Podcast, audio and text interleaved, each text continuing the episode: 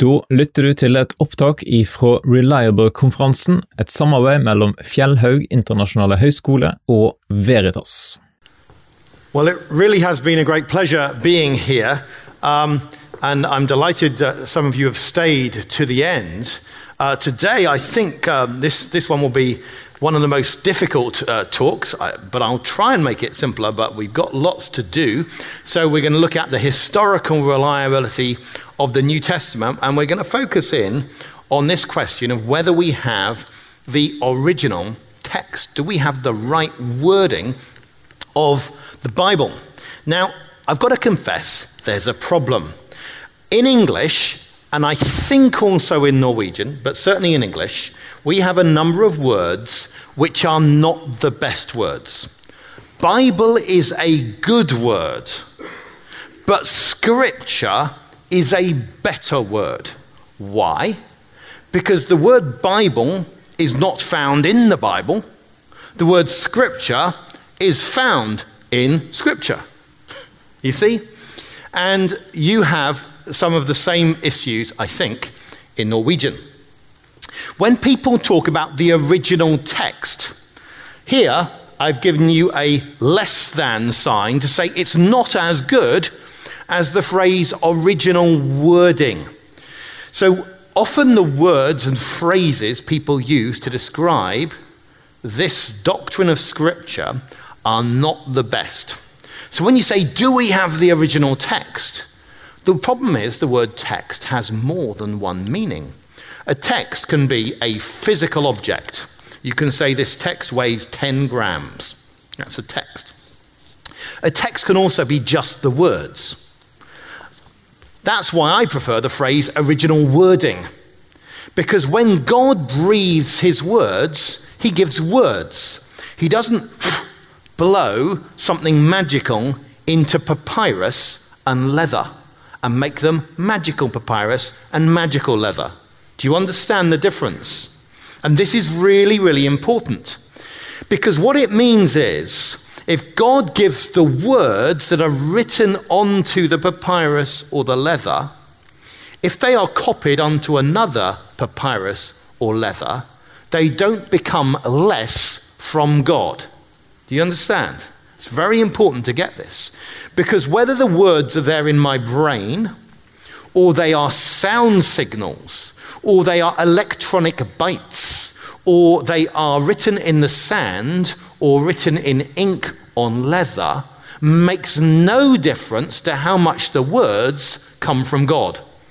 And it's absolutely essential to recognize this thing because otherwise you end up thinking, I need to find some magical physical object that's got God's stuff on. Do you see? Now, the word Bible is a good word, it's a very useful word. It's a good word because we can use it in relation to outsiders. They understand the idea Christians have the Bible. But there is a disadvantage. The word Bible has more than one meaning. The word Bible, if you look in a dictionary, usually has one, a physical meaning. That is a, a physical object. And so you can make a stack of Bibles. But also, the word Bible refers to the contents the books within the physical object. And actually, when we are talking about what God gave, we're talking about the writings, the um, works of literature that He gave. We're not talking about the physical object that He gave. Again, people say, Where are the original manuscripts? I don't care. Because original manuscripts are not more from God than the second generation. You see, imagine God gives a, a, word sequence. In the beginning was the word. Okay? If he says that, and I copy that out onto another manuscript, does it become less from God when it gets copied? No, it's just as much from God in the copy as in the original. So we, as uh, those who are Bible believing Christians need to recognize that some of the, the um, wording we use isn't brilliant. Another word is inspiration. It's a good word, but not the best word. Why not? Because inspiration is something you could say Mozart had, Grieg had, Sibelius had. These people had, they were inspired, but we don't mean God just breathed into people. We mean God breathed words out. That's what the word in 2 Timothy chapter 3 means. God spoke the words out. Um, and even when we're talking about autographs, the, the earliest copies, we mean actually the words on the autograph. Even the word manuscript can be a bit confusing. I could, how many manuscripts are there? And I could say, well, there are 5,000 or something. But what is a manuscript? Well, a manuscript can be on stone or paper or parchment. Now, generally, we don't count these ones, but you could, if someone writes the Lord's Prayer Uh, in stone in their house and puts it on the wall, that could be called a manuscript. It's written by hand, so it's a manuscript, you see? But actually, generally, we mean these. It could be in a scroll form, where you roll it up and so on, or it could be folded over as a codex. It could be written in capital letters, or it could be written in small letters. It could be continuous, or it could be simple parts of the Bible, sometimes the parts that you're going to read in church. It can be complete, or maybe the worms or the weather or something destroyed part of it. And so when I count manuscripts, what exactly am I counting? That's a problem. Now, one uh, British scholar, F.F. Bruce, good scholar, came up with a great apologetic for the New Testament. He basically said this classical scholars accept the authenticity of works of literature that are only accept, uh, in a few late manuscripts.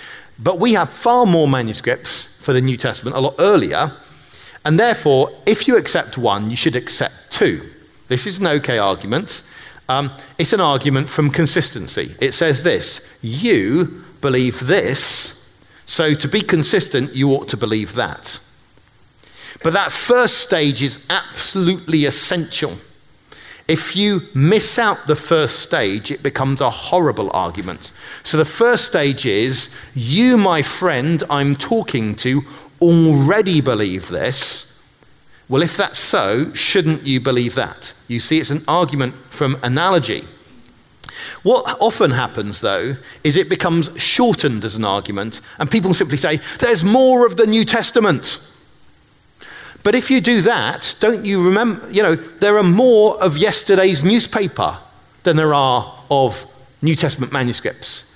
And someone might copy, you know, bring out lots of copies of J.K. Rowling's books, and then there are more copies of that, and so on. It's a silly argument because you can print. I mean, think how many copies there have been of Mao's Red Book. So, you want to say there are lots of copies, therefore it's real? This is a very, very stupid argument. So, the best sort of argument is if you accept this already, then consistency you should accept that. This is the sort of argument Jesus uses all the time. Jesus says, if you've accepted this, you should accept that. He often, when he's talking to people, uses the premises that they already accept, the things they already accept. So we need to be careful about that. Now, one way I would present the argument for the reliability of the New Testament is an argument from trust vindicated, an argument from trust proven true later. Here is the beginning of John's Gospel in Greek in the edition produced by Erasmus in 1516. So it's over 500 years old, and you can see the letter E there and N. That's pronounced N. That won't really surprise you. N. That means in. Okay? Uh, in the beginning was the Word, and the Word was with God, and the Word was God, and so on. And they like to have their very fancy type because they're showing off how beautifully they can make a book. So that was 500 years ago, and Erasmus didn't have any manuscripts earlier than the 12th century. So he's in the 16th century, his manuscripts are the 12th century, and John's Gospel comes from the first century. So there's a pretty big gap between his earliest manuscripts and the New Testament. Think what could have happened then. Who could have changed all sorts of things in the text? But what's happened since his time is people have found earlier manuscripts. This is usually dated to the third century, and it's got Luke followed by John, and it's before the Emperor Constantine was born. So think about that. If people say the Emperor Constantine chose the Gospels, here's a manuscript from before him with Luke followed by John. And we can blow it up, and here we see the first two letters. Okay, so the E isn't quite as big, but en arche in the beginning was the word. It's the same thing. Here's another even earlier manuscript. Make it a bit bigger, and we can see it. So this is probably from usually dated around the year 200. We can see the word logos, L O G O S, logos, that's word. And see it again, L O G O S. You know, it's even if you haven't read Greek, one morning with me, I could have you reading this. I mean, really, you know, it's, it's not, no, seriously, it's, it's the sort of thing, reading, I'm not saying understanding everything, but, you know, you would get quite a lot. Um, so, what I'm saying is there are these manuscripts, and the th- thing is, these are 900 years earlier than Erasmus's earliest manuscripts. And yet, we haven't had to change a lot. Now, this is a very beautiful girl. She is my daughter and she's smiling uh, next to the window of Cambridge University Press bookshop. And there in the window is the Greek New Testament that I helped produce. So uh, when we actually looked at the opening of John's Gospel, we found a remarkable thing. You look at the first 14 verses of John's Gospel, and every single letter we have 812 letters in a row are exactly the same as Erasmus had, even though our manuscripts are 900 years earlier than his. Now, this to me is a remarkable thing because it shows that actually he was able to do a very good job trusting the late manuscripts he had. In fact, it's not just us. Here is Erasmus and his edition. Here is the German Bible Society with their official edition. Here is an American evangelical making an edition based on the later manuscripts. Here is the Secular Society of Biblical Literature in America making an edition, and here are some evangelicals in Britain making an edition. And all five of us have the same 812 letters in a row for the opening of John's Gospel which is a remarkable thing for me because what it does is it shows just how reliably Erasmus was able to edit the Greek New Testament using late manuscripts. And what that shows is his trust was vindicated. Now, we know that when we have an analog clock, an analog clock that is broken, that it is correct twice a day. So twice a day you look at the clock, and it's, though it's broken, it tells the right time. So it could be theoretically possible that Erasmus had the wrong method that just gave the right results. But the problem is, it doesn't just work here, it works in all sorts of other passages, and some of the same principles apply to the Old Testament as well. So I'd want to say that's not what's going on. But if you have been studying the Bible closely, you will know that there are some differences between older Bibles and newer Bibles. And some of the older ones have a few extra verses that the newer ones don't. So, how many of you are aware of that? You know, okay, quite a few. Okay, so let's think about what's going on there. Because actually, what happens is the verse numbers get put into the New Testament in 1550. So they, and because they're put in over 400, 450 years ago, they stay in even when modern scholars think those verses shouldn't be there.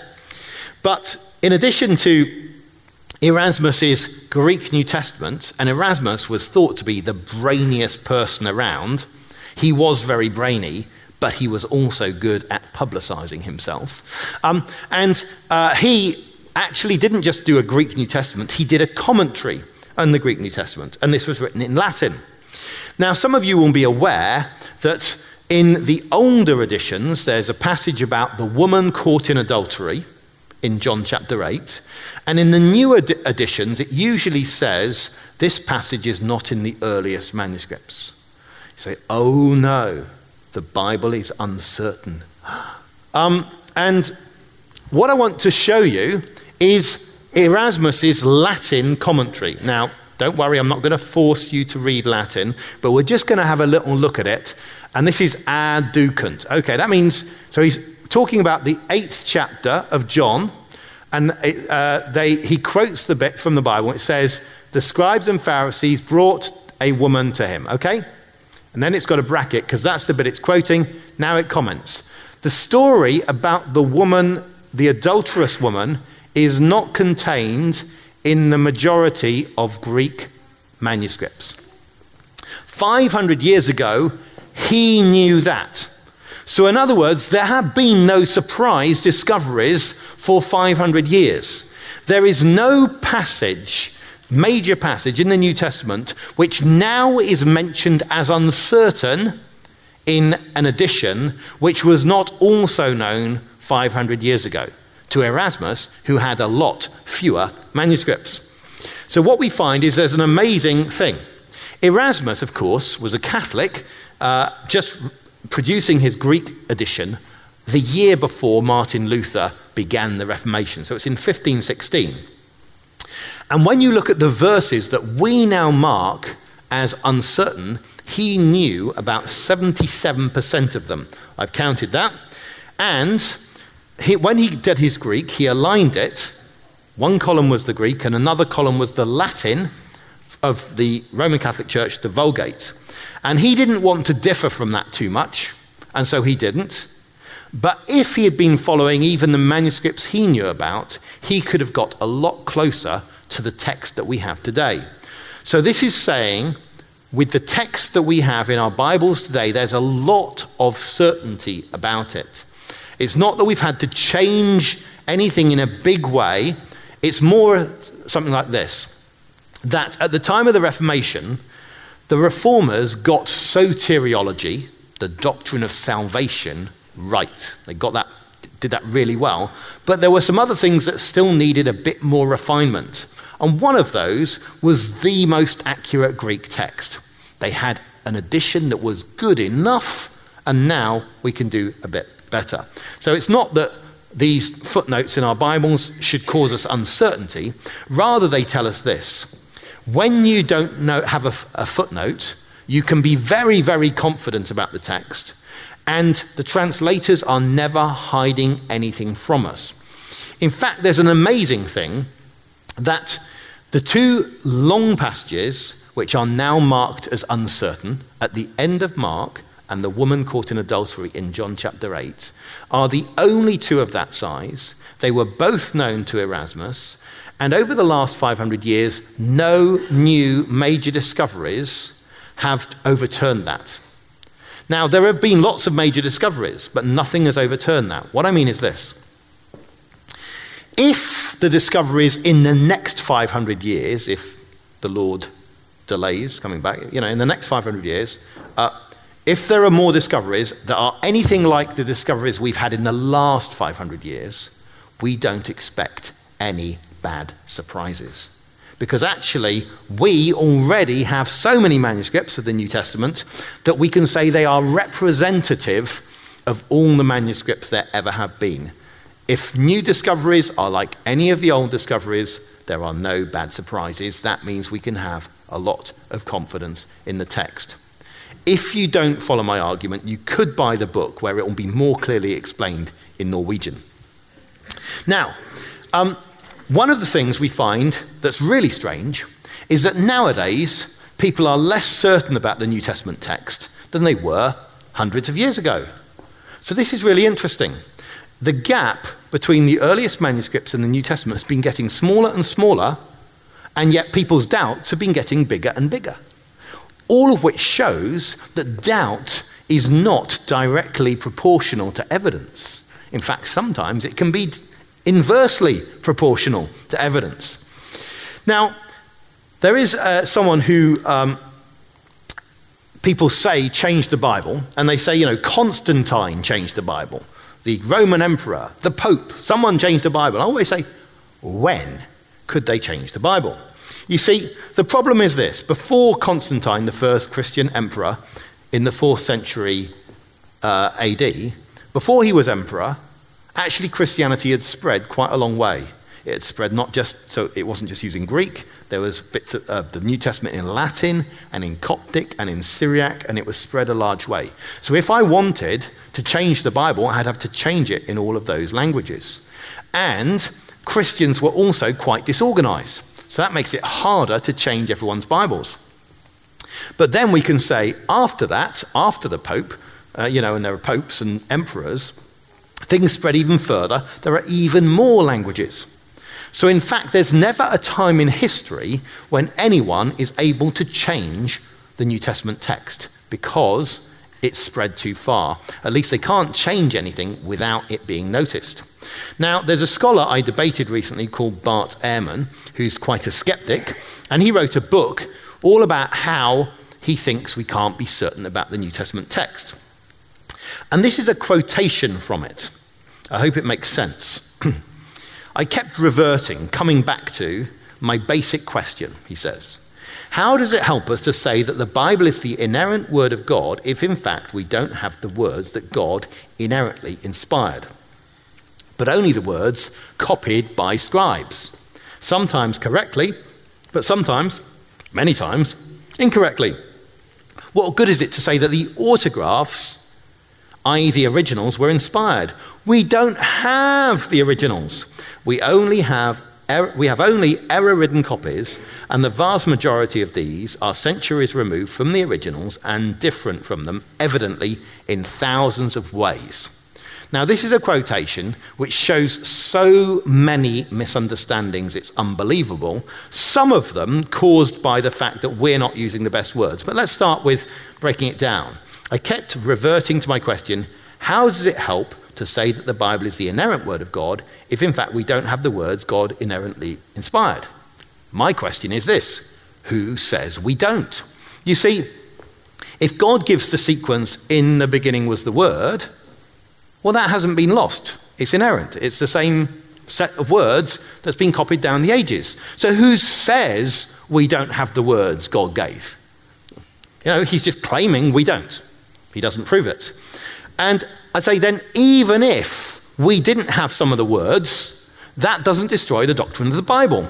Remember in the Old Testament how the book of the law is lost in the temple until Hilkiah comes and brings it to Josiah. So the day before Hilkiah found it, could we say the word of God was not true? It is not inerrant. It's broken. You know? Really? No. It was just hidden. The fact that people haven't got access to something immediately now does not mean it's not true.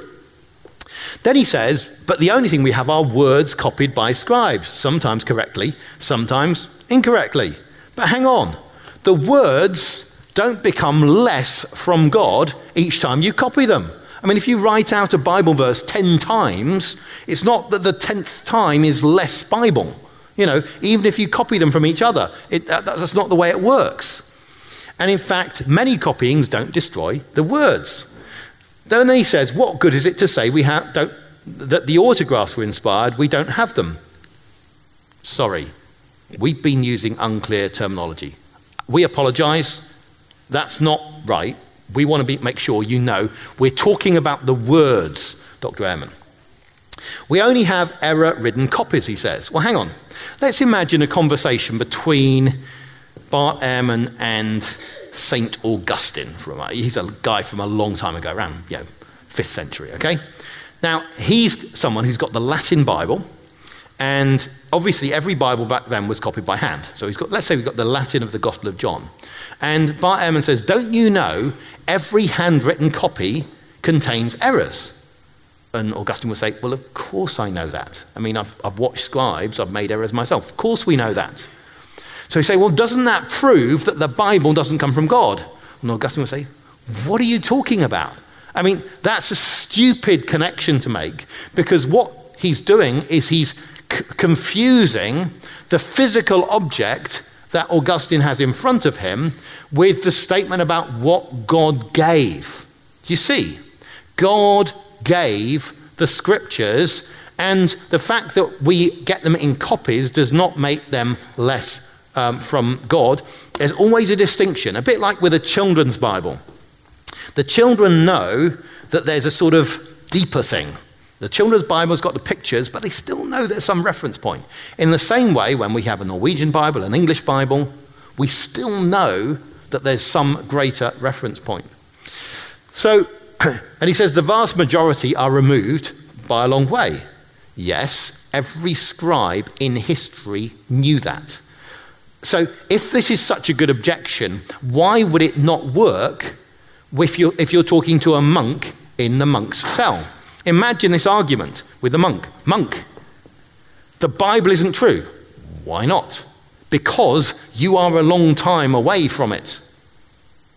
Is the monk going to be persuaded? The logic is not very persuasive to them, so it shouldn't be persuasive to us. He says we don't have the originals. Well, that implies we're supposed to have the originals. Actually, Christians have never been interested in that. We've always said what matters is the wording from God. It's the word of God which changes things. Whether you speak it, whether you hear it, that's what matters. You know, when Moses smashes the Ten Commandments, he doesn't smash the Ten Commandments, he smashes some pieces of stone. The Ten Commandments work just as much as before. You see? So it doesn't matter if someone miscopies something, God's word cannot be destroyed. Nothing can destroy God's word. Now, I'm going to give you an analogy that's not a very nice analogy, but it sort of works. A Muslim um, once had a conversation with a Christian, and they said this If you had a glass of water with a drop of urine in, okay, would you drink it? The answer is probably not. So they're saying, well, look, if you have the Bible and one bit is mistranslated, why would you use it? You see the way they're speaking? Now, I think this is not a good analogy. A better analogy for God's word is uranium. Okay? You don't say because the uranium is not 100% enriched, nothing is going to happen. The Word of God is so powerful that even in a bad translation, it changes lives. And this is the beauty of the Word of God. It cannot be destroyed, it goes out. Now, he says there are differences between all uh, copies. Well, yes, there are differences, but he implies that's bad. How many manuscripts do we have? Let's say 5,500. What if we had five and a half million? What if we had five and a half billion? What if we had five and a half trillion? Do you know what? Each time the numbers go up, you would have more differences between the manuscripts. Does that mean it would be worse to have five and a half trillion manuscripts than one manuscript? No, it's completely illogical. So please don't use bad mathematics when you're explaining these things. He says there are 300,000 variants in manuscripts of the New Testament. Well, actually, there are 2.6 million pages of New Testament manuscripts. So, in fact, that isn't necessarily very relevant. So I'd want to say that his method ends up meaning the more manuscripts you have, the worse he believes the New Testament text is. Does that make sense? I mean, that's the logic. As if an event that's in a football stadium, there's football, seen by eight, 80,000 80, people is less certain than one seen by one person, because if you have 80,000, there might be some disagreements in what they say they saw. Does that make it really less certain than something seen by one person where there's no disagreement? You know, please don't let's think like that. So, in fact, what we can say is the Bible is something we can be very, very confident. He says, What good does it say um, that the words are inspired if pe- most people have absolutely no access to these words? Um, but only to more or less clumsy renderings of these words into a language such as English that has nothing to do with the original words well, nothing to do with the original words is a translation. Um, he's basically saying, what good is a translation? Well, how many of us got saved through reading the Greek and Hebrew? Anyone here? No. Funny, but we still got saved. You know, so this idea that the Word of God doesn't work in translation is something we need to cha- uh, challenge. It's a bit like, you know, Harry Potter. In Harry Potter, when you want to go to Diagon Alley, you know, you mustn't say diagonally, yeah? And you, if you pronounce things slightly wrong in a magic spell, at least in magic theory, things don't work. One letter wrong, it doesn't work, okay? But with the Bible, if someone in, translates one bit of the Bible wrong, does that mean it doesn't work?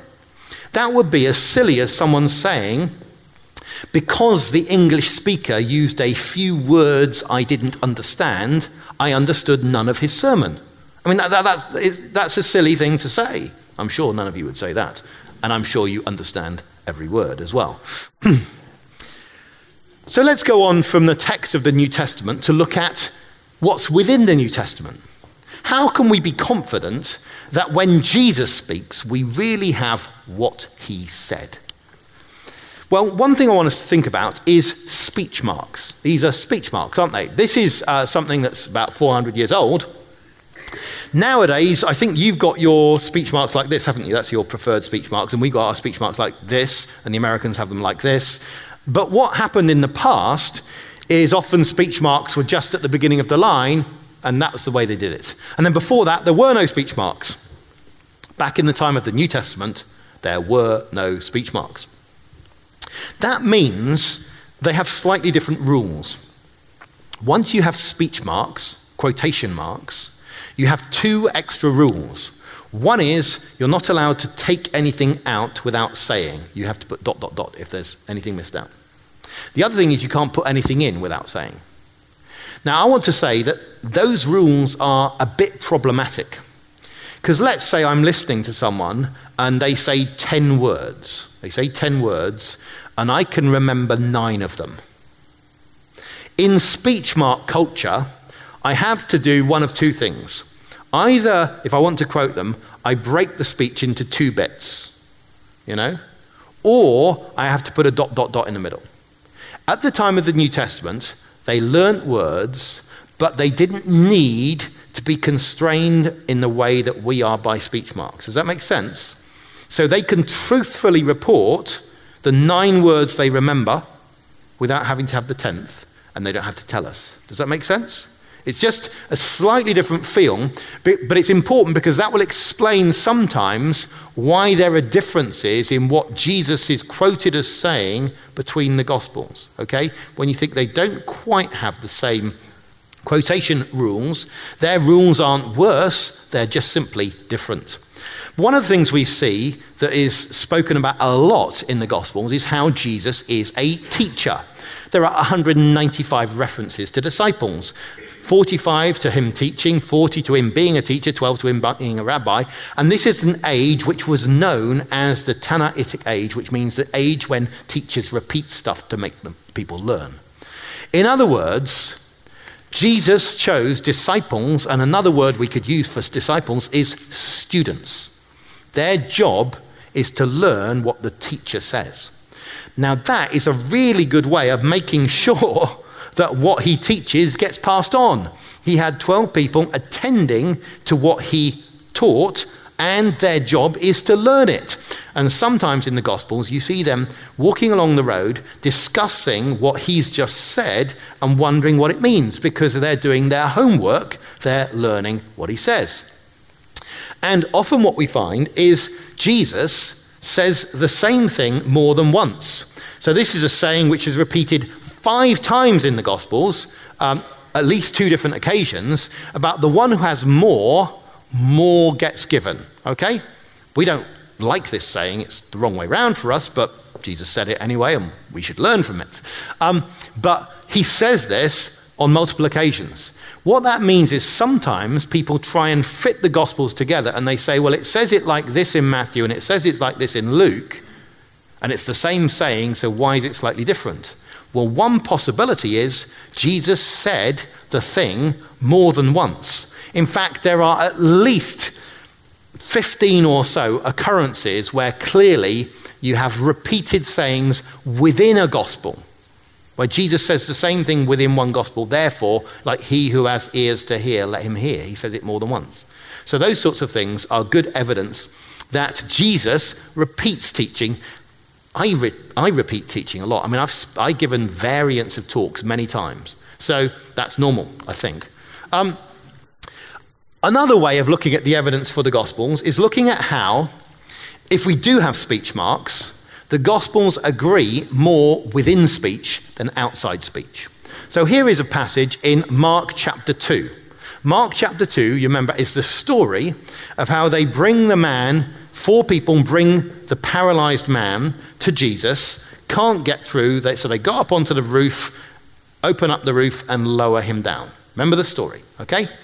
Now, what we find is in this passage is really remarkable because the first seven verses in Mark are narrative, 101 words. And when you ask how many of these words are the same in all three Gospels, not many. The same in Matthew and Mark, ah, not many, you know, quarter. Same in Mark and Luke, that number. Then we get to where Jesus speaks. So these four verses, 73 words, 62 of them are Jesus' speech, and suddenly the amount that they have in common goes up. Then we have the conclusion, which is again narrative, and the number goes down. You see what happens? So, what, what happens generally in the Gospels, not just with Jesus, but even with John the Baptist and other speakers, when the Gospels are reporting speech, they come closer to each other than at other times. Now, some people have a theory to, uh, about this relating to the Q document, That I won't go into that in a moment. It doesn't, uh, let me just say for those who understand that, it doesn't explain it all. Um, because, one reason, because it also works in the resurrection narratives. So here's the account of the resurrection in Matthew. Here, Mark, here's Luke. This is the number of words, and you can see the number of times Matthew equals Luke It's the same as Luke, it's not many words. The number of words where it agrees with Mark, a bit more. Mark has 138 words, only few in common with Luke, a few more in common with Matthew. But you can see most of the words are not the same. In Luke, we have a little bit of agreement with each. Now, let's dig down. Because what you find is when you look at the speech within the resurrection stories, it gets closer. So, here we have in Matthew and Mark. This is Matthew, this is Mark. This is narr- narrator. The angel answered and said to the women. So that's not actual speech, it's just the narrator. And he said to them. You see, that's different. Yeah? Okay?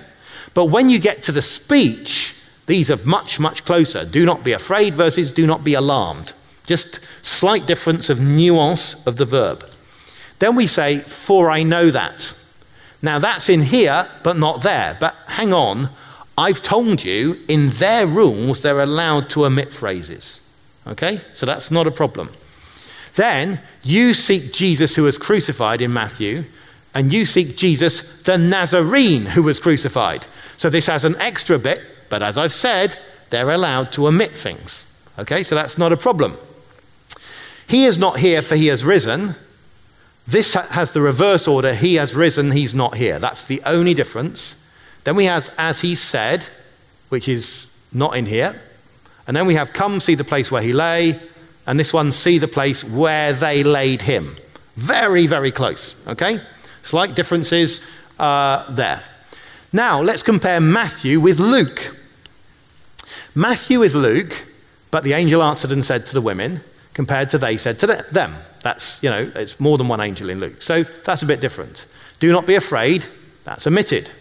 Then it says, For I know that you seek Jesus who was crucified.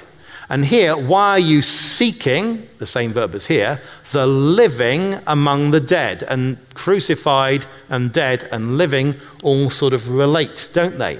So, what you can imagine is it's like two different people have reported the same thing they heard and they truthfully reported it, but they weren't there memorizing the speech. They were truly reporting what they heard and remembered accurately. Then we have an amazing thing, because between Matthew and Luke, we have the identical order. He is not here for he has risen. He is not here but he has risen. Now think about that. Matthew and Mark are normally closer to each other. But here we have Mark is the odd one out on the order. And to me, this is an amazing thing because, again, it's showing uh, that Luke uh, has a reliable uh, source here. By the way, when we are um, talking to each other, I mean, often we say, look, he's here, just, he's here, you know, come over here, you see where he is. You know, this is what, what it could be. So, in terms of both orders, can be true. That's not a problem. But it's also the sorts of change you, you can get in oral transmission. So, again, there's no reason to doubt things. He's not, as he said, then come see the place where they lay and remember how he told you. That's a different ending, but they can fit together. So, what I'd say overall is we've got some good evidence for the reliability of the Gospels because the wording of speech agrees. In other words, it really is reporting what Jesus said. But some people say, but it can't, because Jesus was speaking Aramaic and the Gospels are in Greek. So, this is a person in the 19th century uh, who was a romantic in the technical sense. Um, and uh, what he says is this It's not probable that Jesus knew Greek. The language was very little spread in Judea, beyond the classes who participated in the government and the towns inhabited by pagans like Caesarea. The real mother tongue of Jesus was the Syrian dialect mixed with Hebrew, uh, which was still then spoken by, in Palestine. Still less probably was he, uh, did he have any knowledge of Greek culture. Now, this idea has been widespread and is completely wrong. When you look on the ground archaeologically, there's loads of evidence that people used Greek in the land of Jesus. I'll just give you a few pieces of evidence. Well, one is we have Greek Gospels, but we also know there's a Greek speakers in the church in Jerusalem. We're told that in the book of Acts. Jesus had two disciples with Greek names, Andrew and Philip. In fact, he has conversations with others who have Greek names. Nicodemus is again a Greek name, Timaeus, Herod, and so on. So, what you find is you get languages that can be used very widely because they are known amongst the intelligentsia. I mean, I'm amazed, you know, how many of you are so good at English. But, you know, actually a whole load of people here in Oslo can speak English, and that's great. Yeah, great for me. Um, but it's the same way in Jerusalem at the time of Jesus and in Palestine. Lots of people knew Greek because that was the language of the Eastern Empire. And if you wanted to get on in life, then you would learn that. You wouldn't just trade with people who spoke your language. Even the Central Jewish Council is called the Sanhedrin, which is a Greek name. And Jesus was a speaker who went round from village to village. Do you think he only spoke to those who spoke his language? In fact, we know uh, from the Gospels that he spoke to Greek speakers. One of them is specifically said in Mark 7 to be a, a, the woman, the Syrophoenician woman, was a Greek speaker. In John, people wonder if Jesus is even going to go off and speak and teach the Greeks. So he could have had a serious career teaching Greeks. But we can also look at it another way. There are the Beatitudes, the blessings, uh, which you get in Matthew 5. Here we are, just to give you Norwegian, remind you of the way they go. You know, blessed are the poor in spirit, for theirs is the kingdom of heaven, and so on. And what we find is evidence here that Jesus gave them in Greek. So we just need to learn a little bit of Greek, not too much. So I want to start with the letter pi. You see in green we have the letter pi. That's letter P, if you like. And when it says, Blessed are the poor in spirit, here's the word poor. It begins with the letter P. Blessed are those who mourn. Blessed are the meek. Blessed are those who hunger. Each one of these words begin with the letter pi. By the way, if you're a preacher, alliteration is biblical. Feel free to begin your points with the same letter. That's following Jesus, okay? Um, but we find not just that, poor in spirit, it's another P. Or those who mourn, for they will be comforted. So he begins with this letter. Then we find there are other things. He says, Blessed are those who hunger and thirst, and this is the word thirst, for righteousness. Notice it's got D I, D I, thirst and righteousness. Blessed are those who are pure, and that's the word katharoi, K A, in heart, that's the word cardia, like cardiac arrest and, and these sort of cardiology. So pure in heart has got the same uh, letter beginning. Those who are persecuted for righteousness. Again, uh, this letter gets doubled up for grammar. I won't explain why. But you see a DI in there, it's the same as the DI in there. But there's more. You see, also here, blessed are the merciful, shall they shall obtain mercy. That just repeats the same letters. But here, blessed are the peacemakers, for they shall be called sons of God. That looks rather different.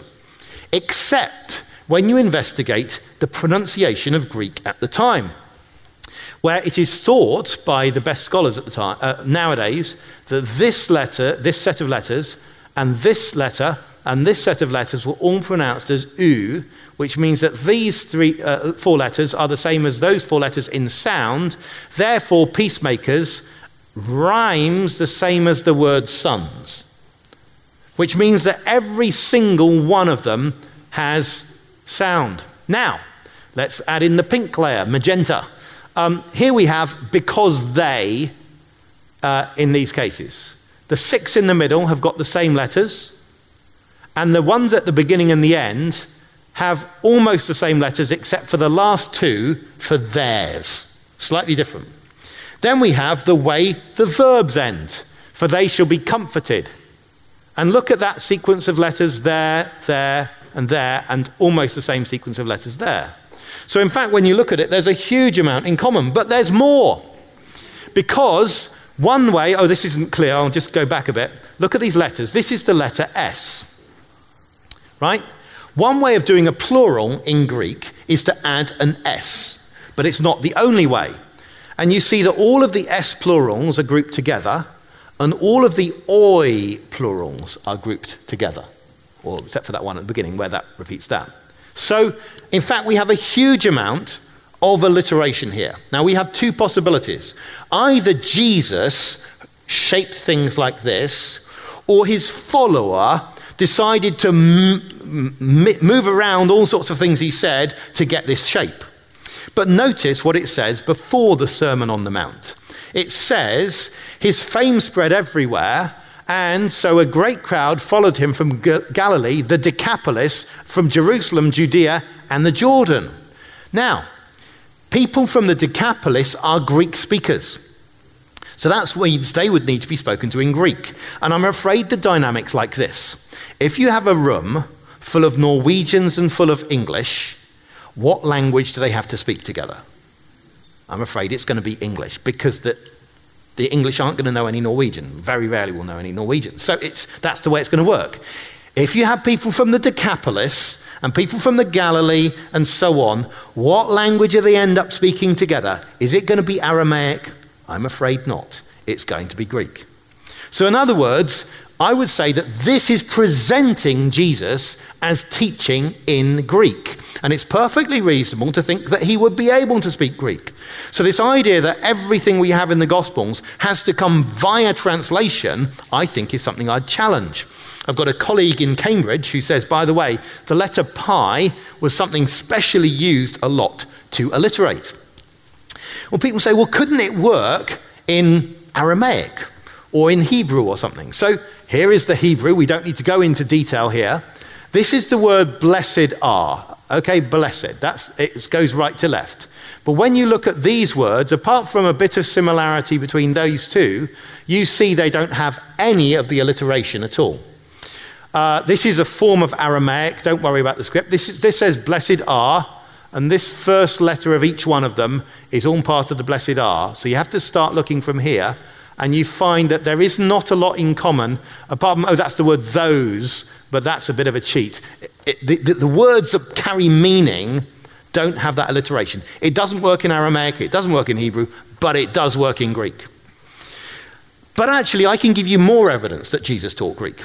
So, Matthew 5 to 7 is where we're going to be looking now. So, you might want to look at Matthew 5 to 7. So, here we are at Matthew 5 13.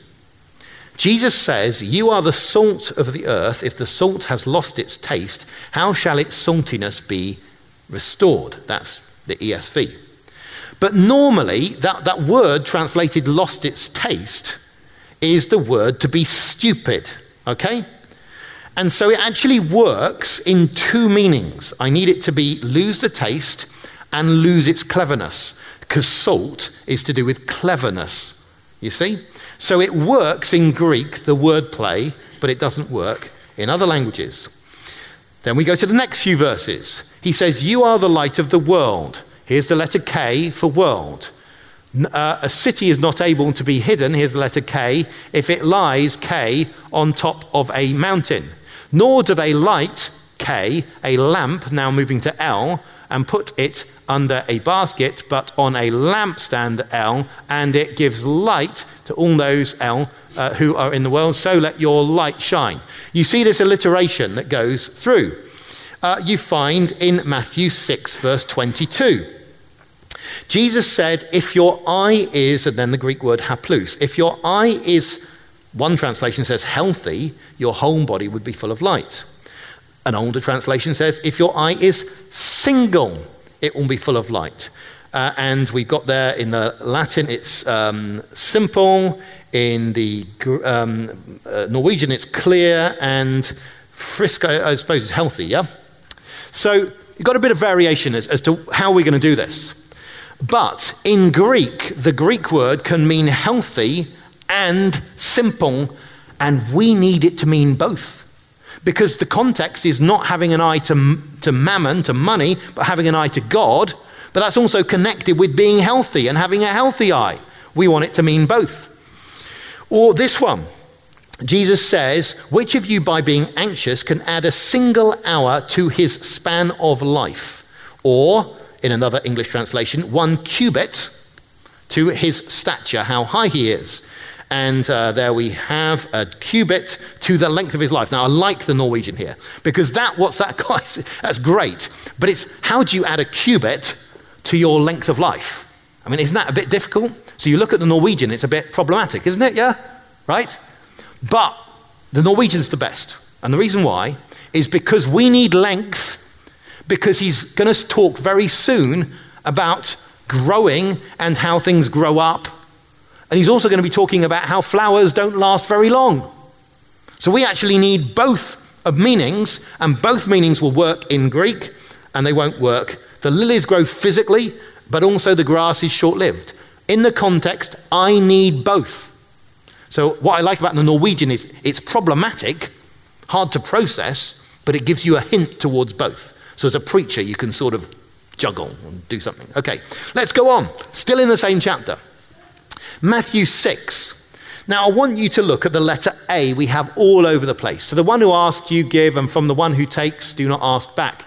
Look at all these alphas, right? Lots and lots of them. When you look at the, this, it's 10 significant words, all beginning with alpha. There are 110 words. 22% begin with alpha, but actually 40% of the nouns, verbs, and adjectives. A lot going together. Uh, Matthew chapter 7. Famous words. Jesus says, Do not judge that you be not judged. For whatever, with, with whatever judgment you judge, you will be judged. Okay? And whatever measure you measure with, it will be measured for you. Now, the English is a bit clumsy there, isn't it? Right? I want you to notice how the Greek goes. Don't judge so that you should not be judged. This is a perfect balance. Those two words balance those two words, and this is the hinge. Then he says, For the judgment you judge with, and notice, this is KRI, kri, kri, kri. Three words in a row. And then we have the word measure, met, met, met. Brilliant. If it's a, tr- oh, a language you're translating into, you shouldn't always, usually, be able to improve. Yeah? So the fact that the best form, the most poetic form, is actually in the Greek is quite significant. Below, I put it in Aramaic, in a particular form of Aramaic, and you see that, that, that you've got beginnings of words that, you know, it just does, it's, it's not going to work. It, everything's split up. Keep going. Jesus talks about every tree that makes good fruits. Here are good fruits, good, uh, sorry, fruits, good, and then we got bad fruits, bad and makes. And then a tree is not able. And we've got DD and po po and car car, and anything. It's like loads of alliteration everywhere, but not too much. So he, he tends to keep it around 40%, because if you're just doing jingling, jangling alliteration the whole time, it gets really too much. So Jesus doesn't do that. Or look at this one. In Matthew 5, verses, uh, um, we have, um, Blessed are you when they um, reproach you and persecute you and say all manner of bad things, and we got some P's here. What I like is they say, This is what they did to the prophets, and here's P R O for prophets, who were before, and that is also P R O, you. And at the end of the sermon, Jesus says, Pay attention, P R O, to false prophets, P R O, because they come to you like P R O, sheep. Word, you know? So you find this stuff is going on. Now people say, aha, Matthew made it all up. Problem is this the same pattern occurs in Luke. So Matthew didn't make it all up. It goes back, in fact, it's there. Uh, I won't go into the details um, of, of all the P's there because we're running out of time, except I want to show you that Luke also has some other really juicy ones um, because here we have um, Luke 6. And this is interesting because Judge not, and you will not be judged. There's our judging words. Condemn not, and you will not be condemned. But notice in this one, we've got kappa, kappa, kappa, kalpha. So we have alliteration of the same kind, but with different words. Some of the different words. Again, showing you it probably goes back to the teacher. You know? And then we have the way things are pressed down and shaken. And here we've got measure, measure together. And then we've got the blind, blind together, tuf, tuff, tufflon, where actually the same idea of putting together the two roots that are the same works in Luke in a similar context, but with different words. So you actually see the same mind, and this is the mind blowing thing. When I look deeply into the Gospels, I find the same mind at work. Over the last few days, we've been looking at the parable of the prodigal son which is in Matthew, uh, in Luke, and only in Luke. But then you have this story in Matthew and only in Matthew, where you say, "What do you think? A man had two sons," and it's got the same logic behind it. You look at the way all the details work between the different adjacent parables in Luke, and you see the same logic. You know, uh, the same person who talks about unclean animals and pigs uh, in Luke is doing the same in Matthew. Do not give what's holy to the dogs, or do not throw your pearls before the pigs, and so on. The simple explanation is this the same mind is responsible for the parables. The same mind, deeply steeped in the Old Testament, the same mind makes every word count. That's the simple thing, and that explains everything together. And so I'd want to put it to you that the best explanation for all of these things is that it comes from Jesus. How are we doing on time? About time to end? A couple of minutes. I have looked at the subject of Jesus teaching in Aramaic. I think he could have taught in Aramaic, no problem with that. But if he did, there are loads of Greek words in Aramaic. And Jesus' eight Latin words that he uses are also all in Aramaic, so that's all fine. So, what do I conclude? Not that I can prove everything to be true, but we have lots of lines of reinforcing evidence for the Gospels, uh, reinforcing evidence for the teaching of Jesus. And if he really was a traveling preacher who taught in many languages, then what we've got is exactly what we would expect. We mustn't hold the gospel writers to the wrong standards, uh, you know, and we, we've got to recognize that what they did is very appropriate for their time. In the Bible, I would say the more you get into the Bible, the more evidence there is. There might even be an infinite amount of evidence for the scriptures. I don't know. There's just vast amounts. So get in very deeply, study the Bible more carefully, and you'll find it's truly wonderful. Thank you so much for listening uh, over these days. God bless.